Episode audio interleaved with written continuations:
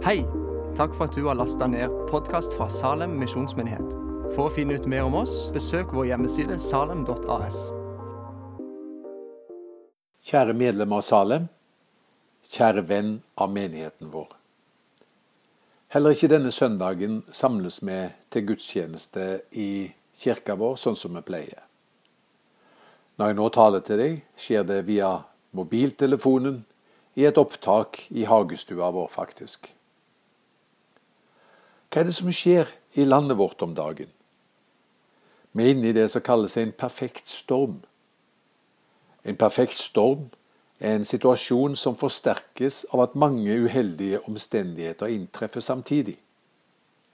Nedstengningen av Norge for å få bukt med koronaviruset skjer samtidig med fall i oljeprisen og ei krone som har stupt i verdi mot andre valutaer.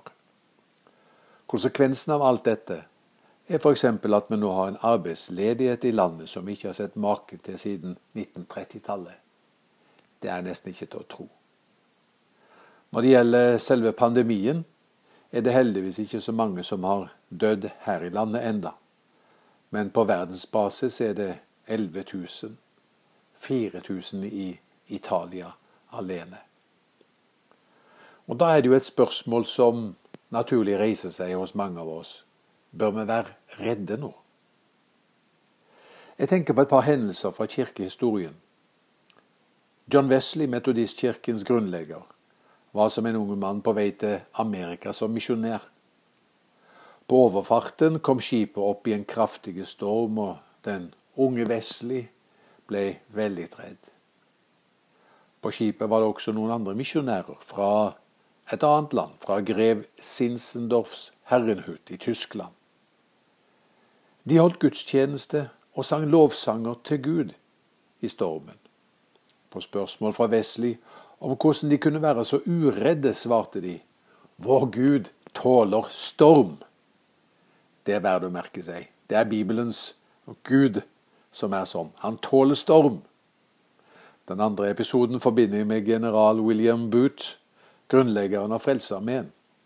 En offiser viste ham et bibelvers som han var så begeistra for Salme 56, 56,4, og der står det Når jeg er redd, stoler jeg på deg. Og Det er et fint vers, og det kan vi gjerne holde fram. Men da skal generalen ha svart. Ja, det var bra, men min personlige favoritt er Jesaja 12, 12,2. Og der sto det Se, Gud er min frelse, jeg er trygg og frykter ikke. Nå skal jeg ta deg med til Salme 23, og den forteller i klare ordelag hvorfor vi ikke trenger å frykte, heller ikke når vi er i det mange kaller en perfekt storm. La meg lese. Herren er min hyrde, jeg mangler ikke noe. Han lar meg ligge i grønne enger. Han leder meg til vann der jeg finner hvile. Han gir meg nytt liv. Han fører meg på rettferdige stier for sitt navns skyld. Om jeg enn skulle vandre i dødsskyggens dal, frykter jeg ikke noe ondt, for du er med meg, din kjepp og din stav, de trøster meg. Du dekker bord for meg like foran mine fiender. Du salver mitt hode med olje, mitt beger renner over. Bare godhet og miskunn skal følge meg alle mine dager, og jeg skal bo i Herrens hus gjennom alle tider. Hvordan sauene i Israel hadde det, var i stor grad avhengig av hva slags hyrde de hadde. Hadde de en god hyrde, kunne de være trygge.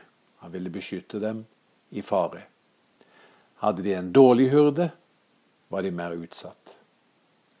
Herren er min hyrde, sier David i Salme 23. Og så forteller han om hvordan han opplever livet med Herren som hyrde. Livet er så godt, sier han. Jeg mangler ikke noe. Han lar meg ligge i grønne enger, han leder meg til vann der jeg finner hvile. Han gir meg nytt liv, han fører meg på rettferdighetsstier for sitt navns skyld. Hun var jo artig, den nyfrelste dama som fortalte om det nye livet som hun hadde fått i troen på Jesus, når hun forklarte det på den måten. Nå er jeg så glad at når jeg ikke er glad, så er jeg mye gladere enn den gang jeg var glad da jeg ikke var glad. Vi skjønner hva hun mente, og vi kjenner oss igjen. Tvillingvelsignelsene, glede og fred, det hører med til den kristne erfaringen. Glede, ja, det er jo fred som danser. Og fred, det er glede som hviler. Når jeg ser tilbake på mine 63 år, må jeg si Gud har vært god. Han har holdt sine løfter. Han skylder meg ingenting. Jeg er så takknemlig. Nå kan man jo si at det er lett å være glad og fredfull når livet kan beskrives med Davids ord grønne enger, hvilens vann, rettferdighetsstier. Som en sa, det er jo lett å sitere Salme 18 vers 30 og si med Guds hjelp springer jeg over murer når man står på en slette. Men livet er jo ikke alltid som en slette. Livet handler ikke bare om grønne enger og speilblanke, rolige vannflater. Også for en kristen kommer livet til oss på to skinner, godt og ondt. Livet er en blandingstilværelse for oss alle. David kjente også godt til det. Men også når livet tar oss inn i dramatiske sceneskifter, som det vi opplever nå i Norge f.eks., kan vi være trygge, sa han. Vers 4. Om jeg enn skulle vandre i dødsskyggens dal, frykter jeg ikke noe ondt. Dette betyr at den freden et Guds barn eier, ikke er knytta til at alt nødvendigvis må være bra omkring oss. Du trenger ikke være redd, heller ikke om du skulle være i dødsskyggens dal. Tenk bare på episoden der Jesus og disiplene er i storm på Genesaretsjøen. Det er jo en fortelling alle kjenner godt. Båten tar inn vann, og de barkede fiskerne de frykter for sitt liv. Da må det ha vært bøst. Men Jesus sover.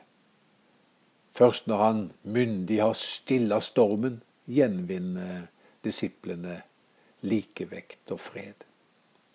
Freden deres var knytta til trygge, eller i alle fall håndterbare, ytre omstendigheter. Men Jesu fred var ikke sånn. Han sov i stormen.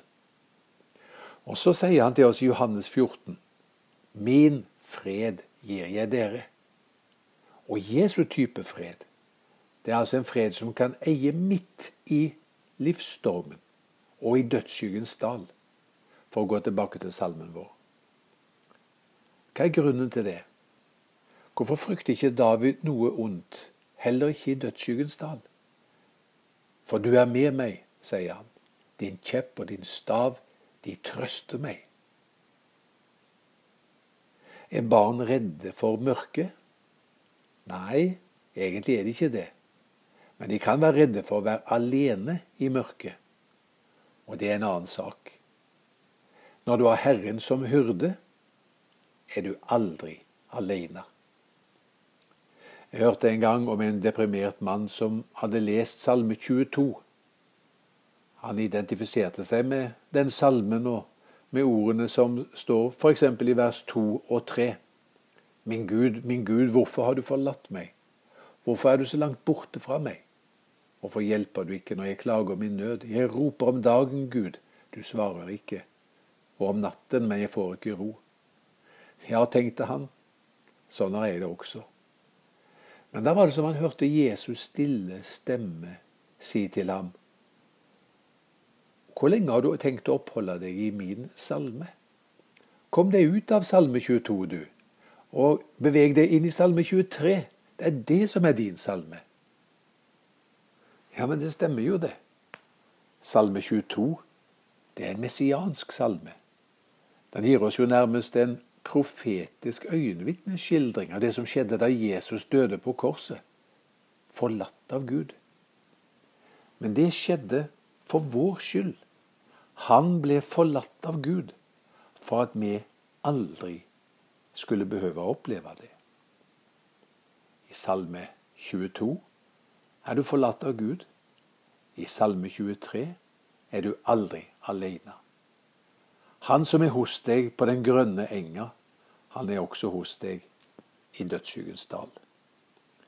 Ja, han kan faktisk oppleves enda nærmere i dødsskyggens dal enn på den grønne enga.